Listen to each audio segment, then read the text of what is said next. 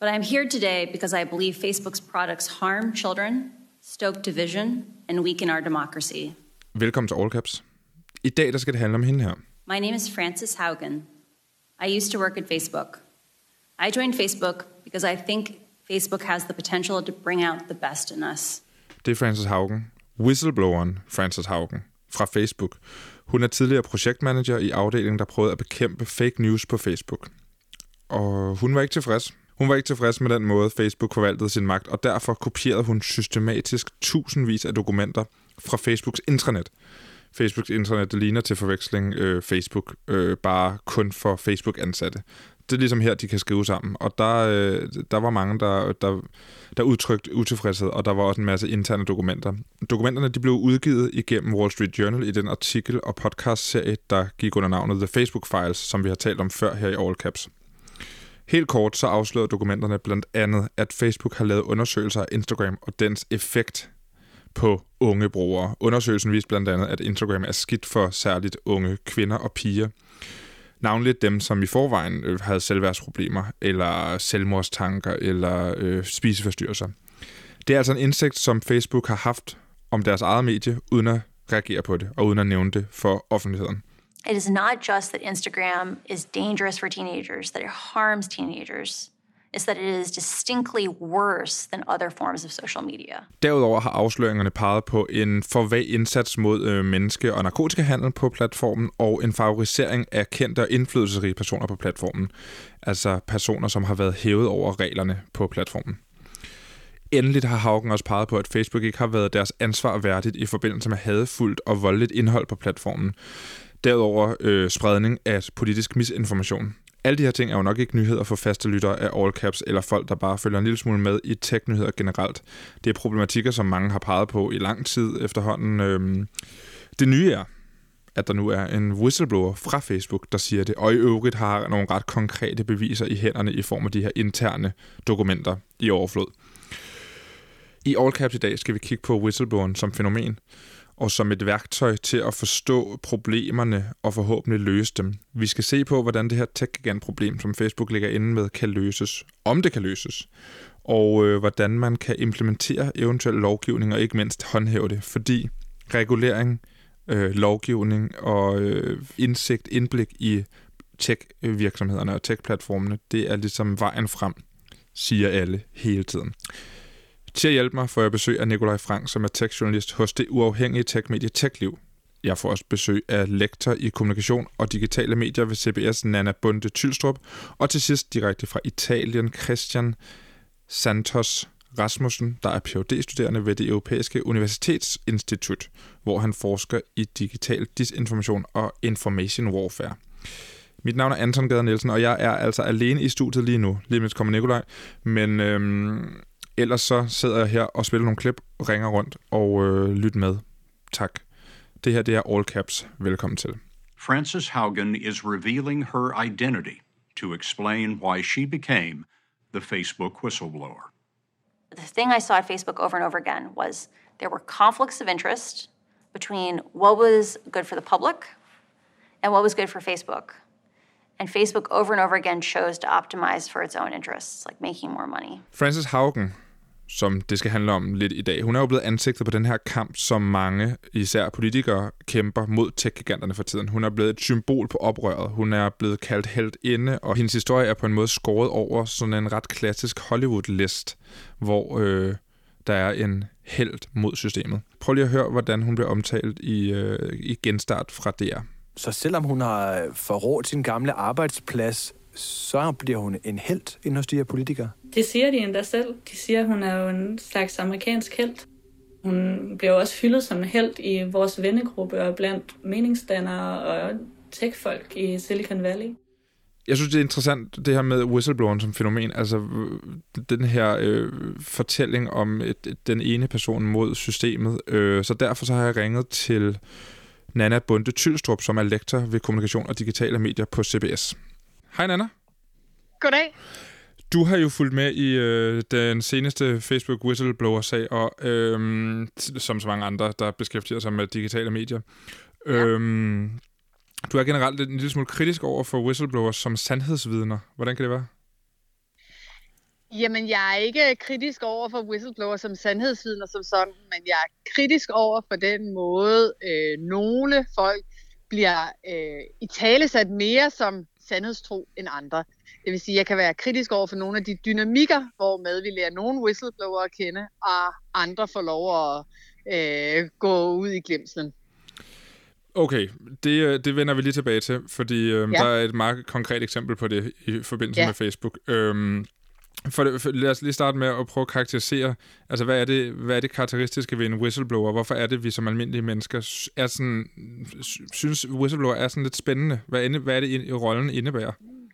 Jamen man kan sige, historisk set, så øh, har vi jo et meget øh, klart kulturelt billede af, hvad en whistleblower er, og det kommer jo tit fra altså Hollywood-film for eksempel, hvor vi ser en, øh, en øh, modig mand, der taler op mod systemet. Tit øh, skal han gennemgå en masse, og nu siger jeg han, skal han gennemgå en masse øh, frygtelige ting, indtil forhåbentlig retfærdigheden endelig skal fyldes.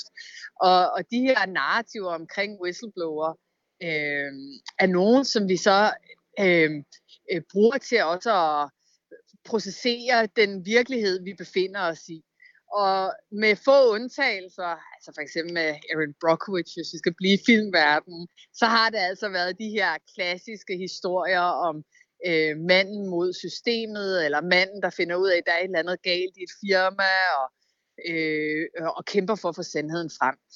Men øh, i virkeligheden, så øh, er whistleblowing øh, eller det at tale sandhed jo øh, tit øh, en proces, der indbefatter rigtig mange mennesker, og rigtig mange øh, institutionelle dynamikker, og tit kollektive beslutninger. Og det går lidt tabt, når vi har de her stærke narrativer om whistleblower, som vi kender fra Snowden og Manning og øh, Julian Assange selvfølgelig som et arketypisk eksempel på en, der virkelig passer ind i en narrativ, øh, narrativ fortælling om en whistleblower. Men øh, retorikken omkring Frances Haugen er jo øh, også, ligesom de eksempler, du kom med her, taget lidt ud af en Hollywood-film. Altså først så var yeah. hun anonym, kom med nogle afsløringer yeah. til Wall Street Journal, så afslørede yeah. hun sin identitet i 60 Minutes, yeah. og nu er hun øh, blandt andet blevet kaldt for held inde og lignende ting yeah. i medierne. Er det en problematisk yeah. fortælling, synes du? Den er problematisk, hvis man ikke har så for øje, hvad det er for nogle dynamikker, hun indgår i. Så du har lige nævnt alle de medierede dynamikker, altså det her med de store mediehuse og journalister og fortællingen, altså man bygger op omkring hende. Og hvis, det kan jo være fint nok i sig selv, men det er problematisk, hvis det får lov at stå alene, og man ikke har et blik for, jamen hvorfor er det lige Frances Haugen? Hvorfor er det ikke nogen af de øh, rigtig mange andre mennesker, der har, har snakket om, hvad der er foregået i Facebook tidligere. Fordi der sker et eller andet her omkring Frances Haugen, som jeg ikke ved nok om til at kunne udtale mig kvalificeret om det, men hvor jeg i hvert fald kan se, at det er tydeligt at se, at der er nogle interesser, øh, der skubber hendes agenda, og hun har et stort apparat bag sig. Og det skal man selvfølgelig have sig for øje, når man øh, bruger hende som sandhedsvidner. Mm. Så Francis Haugen er politisk? Man kan i hvert fald sige, at den måde, øh, hele den her historie om Facebook nu udfolder sig, er politiseret. Og mm. det er mm. klart, at det kommer an på, hvor man står i forhold til øh, ens øh, fortolkning af verden. Men vi er jo alle sammen på en eller anden måde politiske. Men det er klart, at her der er der en meget stærkt politiseret agenda. Og der er hun øh, en aktør, der indtager en særlig rolle, men altså også bliver tilskrevet en særlig rolle. Men den spiller hun jo også rigtig godt. Der var jo øh, en anden whistleblower fra Facebook, faktisk ikke særlig lang tid siden. Det var tilbage i april. Sophie ja. Chang, som, øh, ja. som, øh, som også arbejder for Facebook, blev fyret, men som, øh, som på det tidspunkt talte om, at øh, Facebook tillod regimer at manipulere med deres befolkning ved hjælp af platformen ja. og sådan nogle ting. Ja. Hun øh, blev jo på ingen måde lige så kendt og, og, og omtalt som Frances Haugen. Nej. Hvordan, hvordan kan det være? Jamen det er jo, som jeg siger, at der kan være nogle, der kan være nogle, øh, øh, altså der kan være sådan et perfekt moment, hvor der er nogle institutioner, der har en interesse i at promovere en særlig agenda. Øh, der kan være politiske øh, bølger, der kan være interesseret i at skubbe noget frem. Og så kan det være, jamen, hvor godt øh, skal sige, hvor velnetværket er de folk, der stiller sig frem. Og der er jo, det kræver jo et enormt styrkeapparat at stille sig op imod de her virksomheder. Vi kan jo se det nu i forhold til al den modstand, hun får, mm. øh, Frances Haugen lige nu. Ikke? Og hvis man ikke har et rigtig, rigtig godt apparat til at støtte sig op af, både i forhold til at skulle håndtere alle de søgsmål, sagsmål, hun sikkert får, altså søgsmål, og øh, øh, al den øh, pushback, hun får professionelt også, altså det her med, at hun kan ikke forstå teknologien, og alt det, man klassisk. Hvis man ikke har det, så er det også rigtig svært at blive stående. Og, og så er der jo også noget med, jamen, hvor medievenlige er de, og hvad er det for en agenda, de pusher. Man kan sige, at Frances Haugen er jo ikke særlig radikal på den måde. Hun har jo selv sagt, at hun, det er jo ikke fordi, hun vil opløse Facebook som sådan, vel? Så hun har måske også en, øh, en agenda, som er mere øh, spiselig øh, for, for folk, der ikke nødvendigvis synes, at Facebook er så slemt, men der er alligevel nogle ting i det, der foregår, der burde være holdt mere øje med. Ikke? Så det, det kan være en kombination af ting. Men man kan se for eksempel, altså nu har vi jo nogle andre eksempler fra TIC-verdenen, blandt andet med Timnit Brew fra Google, som ledede deres ethics-afdeling, mm. som jo har været meget tydelig omkring, hvor svært det faktisk er at udtale sig om de her ting, når man arbejder inden for de her corporate verdener, især fordi der er så mange uh, non-disclosure agreements og alt muligt andet, der gør, at folk nok skal tige stille. Og i den forbindelse, så er der jo lige blevet indgået en, uh, det har jeg ikke fuldt særlig meget med i, det, det, det, det er der andre, der kan udtale sig om, men altså det er Silent No More, der er blevet indgået nogle uh, nye tiltag, som skal fremme folk i tech-verdens ytringsfrihed, så de også kan udtale sig kritisk om de institutioner, de arbejder i.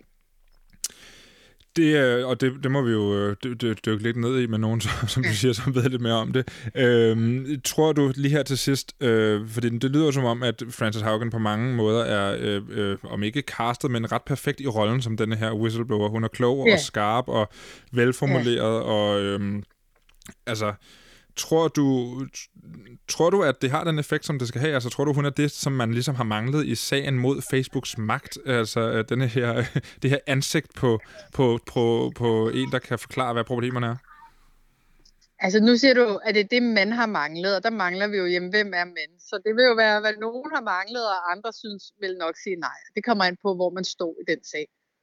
Men der er jo ikke nogen tvivl om, at hun i hvert fald har været et startskud til, eller har, har spiller en særlig rolle i forhold til netop at give noget kritik, øh, som, som altså jo har været horribelt fraværende, kan man sige, indtil videre. Ikke? De har jo virkelig sluppet afsted med rigtig mange ting. Og man kan sige, noget af det, jeg bekymrer mig om, det er jo, at vi stadig snakker meget om, jamen, hvad er deres rolle? Sige, der, hvor den virkelig rammer, og hvor hun virkelig fik medvind, det var det her med teenbørnene, ikke? Men hvor man kan sige, meget af det andet, Facebook laver nu, altså lad os kigge mod øh, Afrika, lad os kigge mod andre regioner, er jo langt mere hårdrejsende, når vi snakker demokrati. Ikke? Øh, så, så det er også interessant, hvad er det for nogle agendaer, der faktisk får det der til at skubbe. Det er jo helt klart det her med børnene har ikke godt af det. Ja, den er svær at være uenig i. Ja, det er også svært at være uenig i, at, øh, at det er problematisk, at øh, de opererer politisk uden uh, accountability. Og men det er lidt svært at forstå. Det kan i hvert fald være mere abstrakt. Det er det. Nå, og om ikke andet var det også meget interessant lige at få et lidt anderledes take på øh, ja, whistleblower-rollen, så tusind tak for det, Nana. Det var så lidt. Det var Nanne Bunde Tylstrup. Her er der lidt mere Francis Haugen. Right, no one at Facebook is malevolent, but the incentives are misaligned, right? Like Facebook makes more money when you consume more content. People enjoy engaging with things that elicit an emotional reaction. And the more anger that they get exposed to, the more they interact and more they consume. Nogle af de ting, som Frances Haugen har sagt til de her kongreshøringer, som hun har været inviteret til, er, at Facebook skal være mere gennemsigtig, og at der skal være tilsyn med deres algoritmer. Det er algoritmerne, der får en stor del af skylden for mange af de her ting, øh, der er dårligt ved Facebook og Instagram. Det er algoritmer, der anbefaler de ting, vi får præsenteret på platform, og i sidste ende øh, kan sende os ned i nogle kaninhuller. We can afford nothing less than full transparency. As long as Facebook is operating in the shadows, hiding its research from public scrutiny, it is unaccountable. Until the incentives change, Facebook will not change. Nikolaj Frank, velkommen til. Tusind tak. Du er tech-journalist på det uafhængige tech-medie TechLiv, yes. som du har sammen med Anders Høgh Nissen. Yep. Og øh, I har også en podcast, som man kan lytte til. Der er en kort gratis version, og så kan man også få den gode, lange version, hvis man er abonnent på jeres øh, medie. Lige præcis, ja. Som også er et nyhedsbrev. Det er et nyhedsbrev og en podcast, og TechLiv er navnet på begge dele. Ja. Yes. hvad tænker du om den her whistleblower-effekt? Altså, at øh, vi nu har en konkret person, der kommer med en kritik, som der i virkeligheden er rigtig mange, der er kommet med før, men nu har vi ansigtet og navn på hende. Jamen, jeg tror, at en ting er, at vi har ansigtet og navnet, men hun har jo også taget en masse interne dokumenter med fra Facebook, så det vil sige, at det er kombinationen af de ting, som er stærk. Det er, at der er en masse, altså det er jo tusindvis af dokumenter, hun har taget med. Så der, man, man får et indblik i, hvad der foregår inde bag murene på en helt anden måde, end man har fået før. Og så får man også historien fortalt fra en, der har arbejdet der, og som har oplevet nogle af de problemer sådan helt tæt på. Hun har arbejdet på det her misinformation team. Mm. Øh, så, så det er den kombination, som, som gør det rigtig stærkt. Ja, så, så sag, naturen af de dokumenter, hun har, er det, det, at der sort på hvidt står, for eksempel, en ud af tre teenagepiger får det dårligere med sig selv ved at gå på Instagram. Det kombineret med hende som person er, er en god kombi. Jamen, nu når du lige bringer den sag frem, fordi det er jo det er så den, det sidste delelement i det, det er, at udover at du har dokumenter, du har en person, der har arbejdet der, som virker øh, øh, fornuftig og veltalende, så har du også nogle helt konkrete historier, som for eksempel den her om, om unge piger på Instagram, som gør, at det bliver meget nemt at forholde mm. sig til. Det er ikke pludselig sådan noget fluff og, og elastik i metermål, og nogen, der kloge hoveder, der har lavet nogle undersøgelser, som kommer fra nogle universiteter med nogle forskningsresultater. Ja. Det her, det er meget hands-on, og det handler om mennesker og det, jeg tror, det, det er det, som, som gør det lidt særligt. Og så bekræfter det vel også på en eller anden måde den her idé om, at øh, Facebook er ikke sat i verden for at gøre verden bedre, men for at tjene penge. Altså, de, de vægter profit over deres brugers velvære, og det, de godt ved det. Det er jo det, der er hendes øh, påstand, ja. og det er jo ligesom det, som hun er, er, er gået frem med, det er at sige, jeg har set indenfra, og oplevet også via de her dokumenter, jeg har set, at Facebook er klar over en del af de problemer, der er, men de vælger ikke at løse dem, fordi at alt, hvad deres øh, research viser, er, at øh, hadfuld information og, og, og altså, hvad skal man sige, opslag, hvor folk de råber og alt det der, det engagerer folk. Mm. Det får folk til at komme tilbage på platformen og klikke på flere ting og klikke på flere annoncer. Så det er dårligt for forretningen, hvis Facebook bliver for hyggeligt et sted. Og det, og det er ligesom det, hun siger, det er, at det vælger de gang på gang, profit over en, øh, en sund platform, og at Facebook ikke er i stand til at regulere sig selv. Det er der nogle andre, der bliver nødt til at gøre. Så det er ligesom øh, det, det, det, der er galt. Øh, det er det, hun synes, der er galt. Men så har hun også nogle forslag til, hvordan det kan løses. Øh, tror du, lige øh, før vi går, dykker ned i reguleringssnakken, at altså, tror du, vi er tættere på en løsning på, på det her problem nu? Hvor vi ligesom har fået den her kvalificerede øh, kritik, eller i hvert fald fået kvalificeret kritikken øh, af, af en, en person, som, som kan stille sig op og sige det? Altså, jeg, jeg, det her er jo en meget lang proces. Vi, ja. vi, altså, tilbage i nullerne, der var det jo det her, halleluja, er det fantastisk, vi kan dele indhold med hinanden og sådan noget. Folk var sådan helt forblændet af Facebook og Google, og ej, hvor er det vildt, hvad vi kan med den her nye teknologi. Ja. Det er vi ligesom kommet forbi så har vi jo haft nogle sager der i, i midten af det sidste årti, særligt omkring Cambridge Analytica-skandalen, som jo handlede om, om Facebook også, om hvordan deres platform jo også blev brugt til på en eller anden måde at nærmest manipulere det amerikanske præsidentvalg i, i, i 2016. Så man har længe været klar over, at der er nogle store udfordringer med de her sociale medier og med algoritmerne, mm. som, som jo ligesom er det, der styrer, hvad det er, vi ser. Og men, hvad, men man har ikke rigtig vidst, hvad man skulle stille op med det. Øh, det her, det digitale område er jo stadigvæk meget, meget nyt, selvom mm. at det ikke føles sådan, så, så er det nyt, og det er anderledes i forhold til mange andre brancher. Og det er jo det, i virkeligheden også det første sociale medie, som virkelig har slået igennem, altså i verdenshistorien nærmest, ikke Facebook, som er blevet så stort, som, som er, det er blevet. Som er blevet så stort, ja. ja. Fuldstændig korrekt. Men det, jeg mener, er, at politikerne har fået stigende interesse for, at vi skal gøre noget ved det her. Mm. Men de har ikke rigtig kunne finde ud af, hvad det skulle gøre. Og der har været, i de sidste tre års tid, har der været den ene høring i USA efter den anden. Også politikere i Europa, der siger, at, at øh, vi skal til at slå hårdt ned på big tech og på de her store sociale medier. Men hvordan er det lige, man gør det? Og der vil jeg sige, det, det, der er vi bare kommet et skridt længere nu med de øh, seneste ting i den her øh, Haugen-sag. Øhm, så ja, det er svært at sige lige nu, om, om det bliver sådan et, øh, en, en milepæl. Jeg synes, der er blevet bygget på, og det er ret tydeligt, at politikere både, øh, når vi snakker USA, der er det både demokrater og republikanere, men også på begge sider af Atlanten, både i USA og mm. Europa, virkelig er ved at være klar til at gøre noget. Så det er noget, der er bygget over lang tid, og øh, må ikke, at der snart begynder at ske noget andet, end at de bare snakker, altså lovgivning. I, i, for to år siden, der, der, havde, øh, der havde jeg kulturministeren med igennem, som, hvor vi også snakkede om, øh, hvem der har ansvaret for, at de unge ser alle deres nyheder på sociale medier, og om det er et problem i øvrigt, at man gør det. Og der, øh, der var en af konklusionerne, en af de ting, hun sagde, var, at hun tænkte ikke, at løsningen var, at politikere i mindre grad øh, trådte op på sociale medier og udkom med deres øh, politik og sådan nogle ting på sociale medier det bliver vi nødt til, for det er der, brugerne er, det er der, de unge er. Så, så man skal ligesom være på Facebook. Det er blevet en integreret del af vores kommunikationsinfrastruktur. Altså der, der er ikke, vi taler ikke om Facebook eller ikke Facebook. Vi taler bare om Facebook, men med reguleringer. Mm. Og det er ligesom konklusionen ret tit, ikke? Jo, jo, det er det. Altså, men det er også, altså, det er jo blevet øh, altså en, en så integreret kommunikationskanal, at det mm. er svært at hoppe af igen. Det er der jo mange, der har måttet den, blandt andet jo også øh, DR, ja. som, som jo øh, på et tidspunkt jo kunne have valgt tidligere at sige, at man, altså, vores debat skal foregå på DR.dk og ikke på Facebook, men, men alle er blevet presset af det her monster, og, og alle er flyttet ind på den platform, mm. og altså, det er meget svært at se, at der skulle være nogen vej tilbage derfra, medmindre folk simpelthen bare begynder at kede sig, men så går de jo hen på et andet socialt medie i stedet for. Så, så lad os prøve at kigge på reguleringer. Hvad kan man gøre? Altså, hvordan kan man regulere det her? Fordi nu er det blevet sammenlignet med tobaksindustrien, det er blevet sammenlignet af Instagram-chef med øh, bil, altså biler og al den regulering, der er på biler. Øh, hvordan kan man, kan man oversætte det en til en til regulering af noget, der er så ukonkret og komplekst som algoritmer og tech, øh, hvis, man, hvis man kigger på det sådan? Det er jo det, der er det store problem. Det er, at det ikke er ret målbart.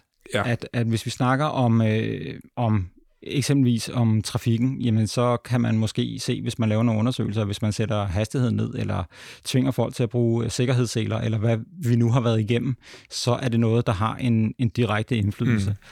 Og der er det meget, meget, meget svært at se, hvis man regulerer en algoritme, hvordan skal det så ændre sig? Så det er jo, det er jo et af de helt store problemer. Hvis den digitale verden bare var ligesom den fysiske verden, så ville det være nemt at bruge de samme metoder, men de virker bare ikke i den digitale verden. Og det er jo også derfor, man har været så lang tid om at prøve at komme frem til en løsning, og ikke engang er kommet frem til nogen endnu. Men hvis vi kigger konkret på det, så er det, som, som Haugen blandt andet foreslår, det er jo en eller anden form for regulering af algoritmerne. Mm. Altså om algoritmer overhovedet skal have lov til at udvælge det indhold, som vi, vi får lov til at se. En anden ting er jo, om, øh, om en uvildig instans skal have lov til at kigge algoritmer igennem, altså skal have lov til at kigge på Facebooks algoritmer. Det er der jo så en masse andre problemer i. Det er jo lidt ligesom, om Coca-Cola skal give ja. deres opskrift væk. Det er jo, der er jo en masse konkurrencehensyn og sådan noget, men, men omvendt så kunne det jo også være en vej at gå og sige, at der er simpelthen en uvildig enhed, der skal have lov til at kigge algoritmerne efter i sømne og, og se, om de gør det, som Facebook siger, de gør.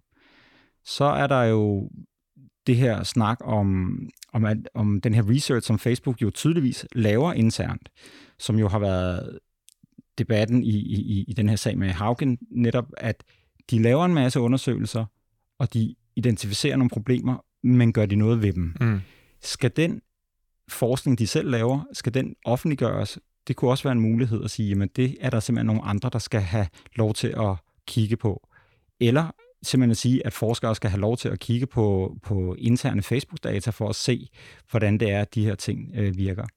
Og den sidste mulighed er jo ligesom bare, at der skal være en eller anden form for større altså det er jo noget med regler og tilsyn. Altså indtil videre har Facebook ligesom sat sine egne regler, og det er dem, som de indtil videre, altså hvis ting ikke strider direkte mod loven, at man altså, øh, ligesom gør noget kriminelt eller et eller andet, så er det jo ligesom dem, som de prøver at, at, at, at tække sine egne regler. Men altså, og så har de nedsat et selvsynsråd også ja, i øvrigt. Ja, oversight board, ikke? Ja. ja, lige præcis. Altså, så, men er der, skal der på en eller anden måde være et, et, et større tilsyn med dem, ikke? Altså, så det, det er ligesom de parametre, man har at gøre godt med. Og en af de ting er jo det her med, øh, at der er nogen, der kan kigge algoritmerne igennem. Mm. Altså, hvordan vil det fungere? Altså, hvordan kan man godt kigge algoritmer igennem og få noget brugbart ud af det? Og øh, hvor mange er der, og hvordan, altså, hvordan fungerer det? Det, det, altså, det er jo det er helt ekstremt komplekst. Øh, jeg har ikke... Altså, jeg, jeg tror ikke, jeg har nok teknisk indsigt til at sige, hvordan man præcis skulle gøre det, men, men altså, der er jo tale om tusindvis af algoritmer. Det er jo ikke én stor algoritme, det er jo en masse små stykker øh, kode, der ligesom der, der, der spiller sammen. Så og, og, og algoritmen, den, øh, den har jo også den særlige ting, at den jo udvælger forskelligt til os alle sammen.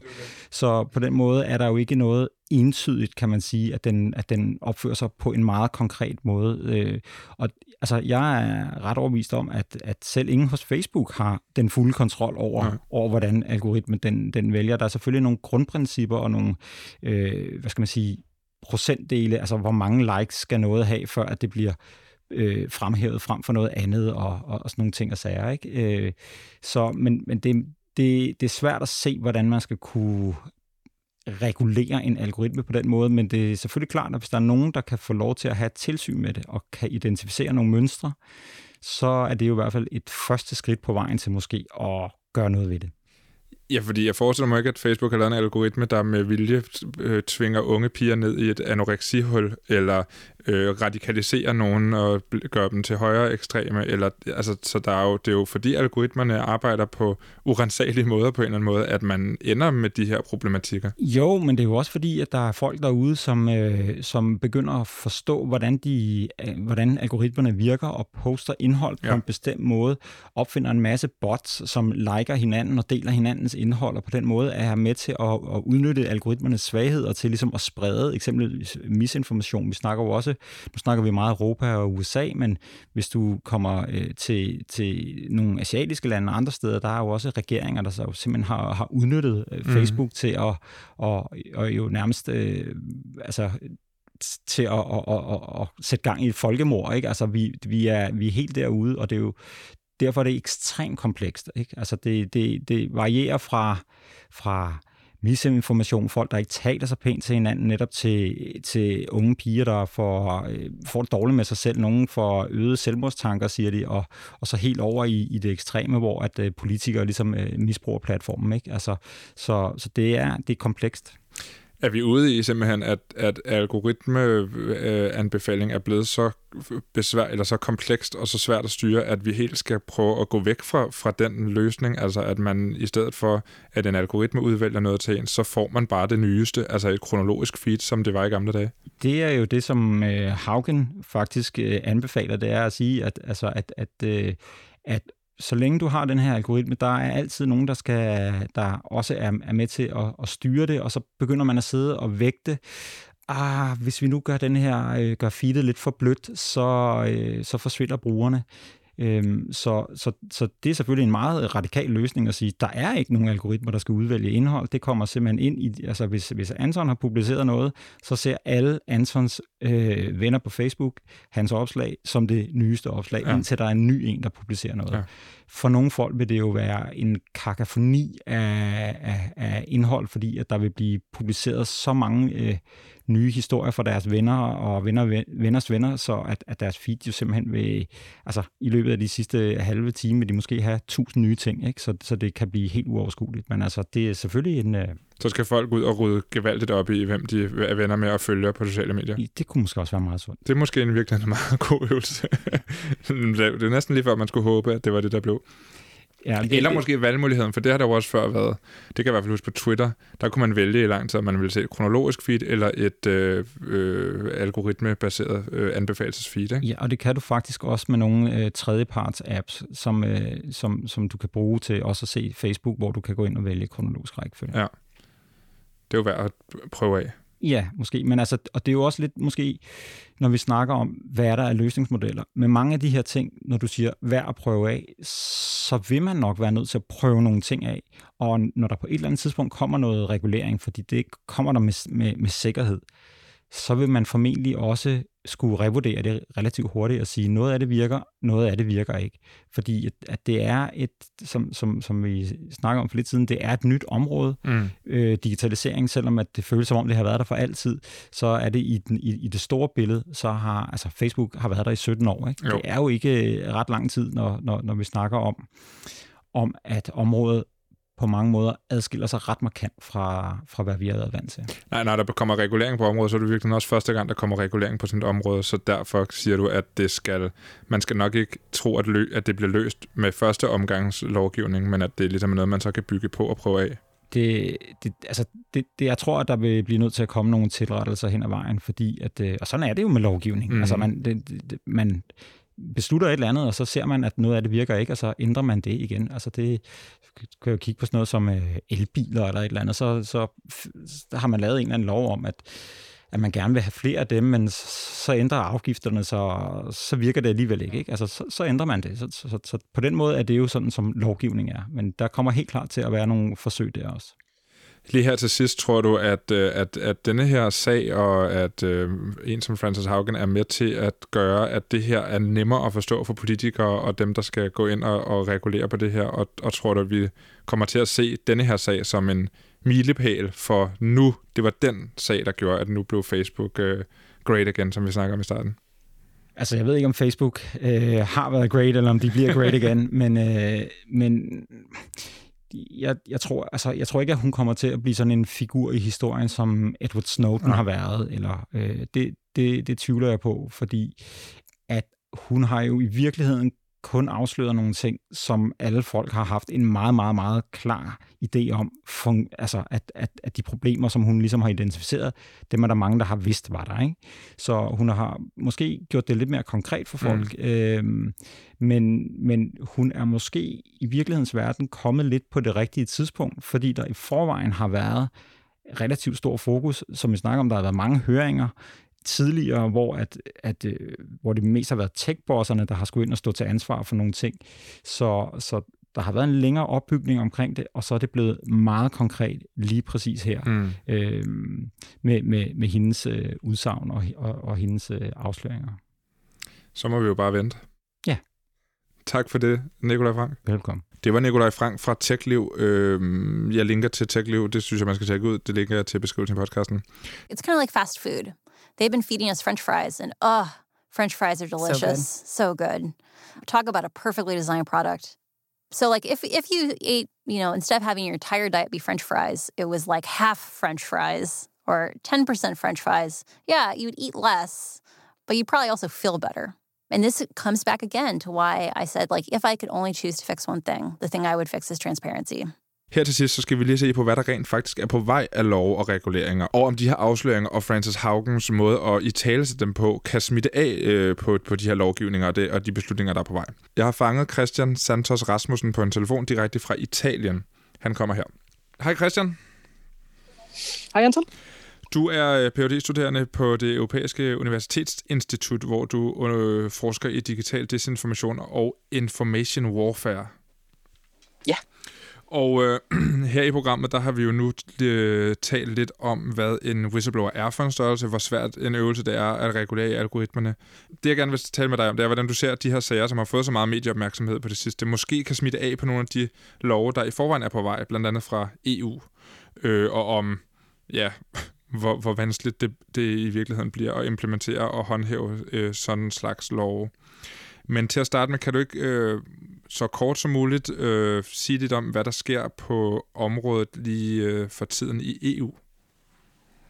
Altså, lige for tiden, så er EU ved at lægge øh, den sidste hånd på to, øh, eller EU-kommissionen er ved at lægge den sidste hånd på to øh, hvad hedder, lovforslag. Det er øh, Digital Service Act, som kommer til at regulere indhold på øh, sociale medier herunder øh, hvad hedder det, skadelige indhold. Mm. Og så er det Digital Markets Act, som kommer til at regulere øh, det digitale marked og sørge for, at folk har, eller virksomheder har ret til nogle, nogle øh, de informationer, de måtte øh, generere. Så det er sådan, det ser ud lige nu, og så øh, kan man sige, lidt bredere perspektiv, så har vi også i Danmark har vi et, et lovgivningsforslag, som kom frem her i sommer, øh, og i England, der er noget, der hedder Safety Online, Online Safety Bill, tror jeg det øh, den er også kommet frem her i starten af sommeren og er under behandling i parlamentet. Så, så der er noget på vej. Øh, der er noget, noget ja. vi, vi, fordi det, det vi jo bliver ved med at høre om, det er reguleringer, og vi skal gøre noget, og tech skal på en eller anden måde mm. øh, underlægge sådan nogle regler og love, som, øh, som, ikke, som de ikke selv finder på. Øhm, derudover så hører vi jo også tit politikere, både i USA og Europa, altså få, få de her tech, øh, tech-begreber lidt galt i halsen, og ikke helt forstå, ligesom, hvordan det virker. Vi har set nogle klip fra nogle høringer i USA, hvor øh, lidt, øh, lidt politikere lidt op i årene øh, ja, siger nogle lidt fjollede ja, ting det... til Mark Zuckerberg, ikke? Ja. Øh, Jamen, ja. Jamen, det, det, og det, kan man sige, det er, det er den kontekst, øh, Hagen ligesom kommer ind i. Det må man sige. ind i. Øh, det hun egentlig, øh, kan man sige, det, er, det har været så heldigt, øh, i situationstegn, øh, at hun er kommet frem lige nu, fordi det betyder, at dem, der sidder og arbejder på Digital Service Act i EU, de nok lytter med og ser, okay, hvad, hvad, hvad, hvad betyder det her for den lovgivning, vi er i gang med at udvikle?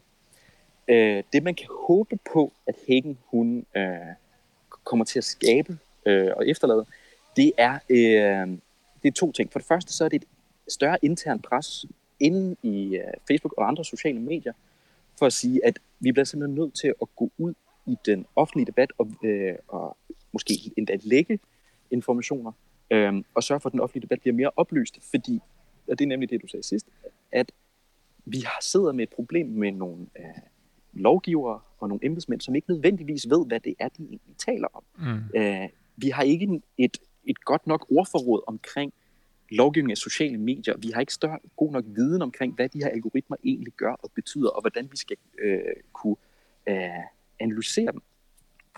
Og det er derfor, det er vigtigt, at hun kommer ud nu, fordi det skaber et, øh, et forhåbentlig en erkendelse af, at måden, vi har snakket omkring de her ting, har ikke været god nok. Øh, Digital Service Act har blandt øh, i deres definition omkring, hvad er harmful content, så har de, øh, har de valgt at henvise til platformenes egen terms and agreement. Men det, som Hækken viser, det er, at platformen selv håndhæver ikke deres terms and agreement, og han da systematisk valgt ikke at gøre det. Så det betyder, at vi kan ikke bygge en, en lovgivning op omkring, at de selv får lov til at definere, hvad der er harmful content. Så forhåbentlig, så kan hun øh, komme med en viden og råbe lidt op til de, øh, til de folk, som ikke nødvendigvis er helt med på, hvad det er, øh, sociale medier egentlig er for en størrelse, og fortælle dem, hvad det er, hvad det er de har brug for at vide. Så det kan, det kan både og, smitte, det kan, ja. det kan smitte af på deres, øh, på, på, på deres ordforråd, og måske nogle fælles referencer, men det kan også, øh, håber du, give dem viden, øh, give dem viden og, og også viden om deres egne begrænsninger forhåbentlig. Fuldstændig. Altså, hvis vi, så, hvis vi så tager skridtet længere og siger, okay, fint nok, nu øh, har det øh, givet noget viden om problemets omfang, noget, måske noget viden om, hvordan man kan øh, ændre det, så kommer vi jo ud i, øh, i den vanskelige opgave, som hedder implementering af det her, og øh, hvad der er endnu vigtigere, øh, håndhævelse. Ikke? Altså, der har jeg jo lige talt med Nikolaj Frank her, som siger, at... Øh, Altså, hvor besværligt det for eksempel er at ændre en algoritme, eller få indsigt i den, eller forstå den for den sags skyld. Øh, kan du se ja, alternativer til den måde, det bliver gjort på nu? Hvordan skal, hvordan skal det her implementeres og, og håndhæves? Jamen, øh, det spørgsmål er, ligger lidt to dele i. For det første er, vi skal, vi skal have en implementering af hvad? Og så ja. skal vi have, hvordan gør vi implementeringen? Ikke? Øh, hvis vi sådan starter med den der implementering, altså de Øh, den information, som, som øh, hvad hedder det, Hagen kommer frem med, øh, er blandt andet, øh, hvordan algoritmer skader, øh, skader øh, børn. Der tror jeg, der er lige nu politisk mulighed for at sige, jamen vi skal have en eller anden form for, øh, for forståelse af, at det, det, eller, øh, vi skal være fælles om, at det er, en, det er en dårlig ting, og vi skal have en lov, som siger, at det må man ikke. Man må ikke skade børn, man må ikke lave algoritmer, som giver børn øh, depressioner øh, og alt muligt øh, ondt. Men, men vi skal også have fundet ud af, okay, hvordan, hvordan håndhæver vi det? Og der har Nikolaj fuldstændig ret, at det, det ved vi ikke rigtigt, hvordan vi gør. Og det skyldes blandt andet, at de folk, der ved det, de har det med at arbejde for mm. øh, tech-virksomhederne. Um, de, når, når vi så kigger hen på nogle af de andre ting, som Hækken hun øh, kom frem med, det var øh, blandt andet, hvordan at hadtale og misinformation spredtes som, øh, som løbebil øh, på, på Facebook. Okay, fint. Så skal vi finde ud af, hvordan kan vi fjerne det her? Godt. Der er to måder lige nu. Den ene, det er automatiseret øh, filtrering, hvor vi bruger en AI til at gå en masse information igennem. I det, der er, der er der lidt et problem. Altså, det er hurtigt, og det er nemt, det er nemt når man vel har et øh, algoritme. Øhm, men det er en grovsortering.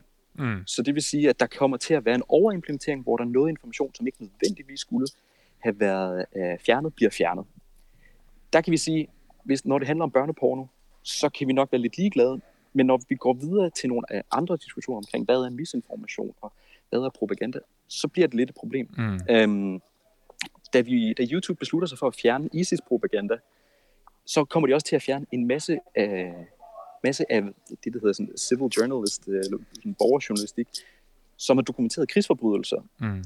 som faktisk kunne være ret anvendelige i efterfølgende retssager. Det skal, vi, det skal vi tænke på, at der er, bare fordi der er nogle ting, der minder, der kan se ens ud, så kommer, øh, men ikke er ens, så kommer algoritmen til at fjerne det. Så det er bare meget grov sortering. På den anden side, det andet alternativ, eller andet redskab, man bruger, når vi øh, hvad hedder det, fjerner skadeligt indhold, det er content-moderatorer. Det er folk, der bruger hele sin øh, arbejdsdag på at kigge på internettets skraldespand. Der er noget information, der bliver øh, flagget, og så kigger de på og siger, okay, er det her øh, skadeligt indhold eller ikke? Det er en, øh, det er et arbejde, som kommer til at give dig en depression og øh, PTSD. Ja. Så det, det, det er, det er ret, ret gralt, og der er der ikke nogen lovgivning øh, på hverken, hvad, hvordan den her AI den skal se ud, fordi vi ikke har adgang til den, eller øh, hvordan de her content moderatorer, hvilke arbejdsforhold de har, hvilket lige nu ikke er nogen. Så de redskaber, vi har, jamen, de, de er forfejlet, og de, kom, de, de, har, nogle, de har nogle skader. Øhm, folk, så, så vi har ikke rigtig, sådan, rigtig tænkt igennem, hvordan vil vi implementere de her ting. Øhm, så ja, Nej, men svarede, det, jeg, svarede jeg på de spørgsmål? Ja, det, ja, men det er jo ikke øh, et opløftende svar, øh, må man sige. Øh, fordi det... det ja, for, for, for, for at gøre ja. den lidt, lidt mere opløftende. Okay, tak. Det, på, det er, at Hagen, hun kan øh, inspirere nogle folk inde hos øh, Google, øh, Facebook, Twitter, øh, og komme ud og så sige, jamen okay, vi vil gerne hjælpe jer med at finde mm. ud af, hvordan de her algoritmer, de skal skrues sammen. Vi vil gerne hjælpe jer med at, at, at, at forstå, hvordan man implementerer det her på bedst mulig måde. Så, så det, det, det, det kan man håbe på, at hun kan kvalificere samtalen omkring implementering.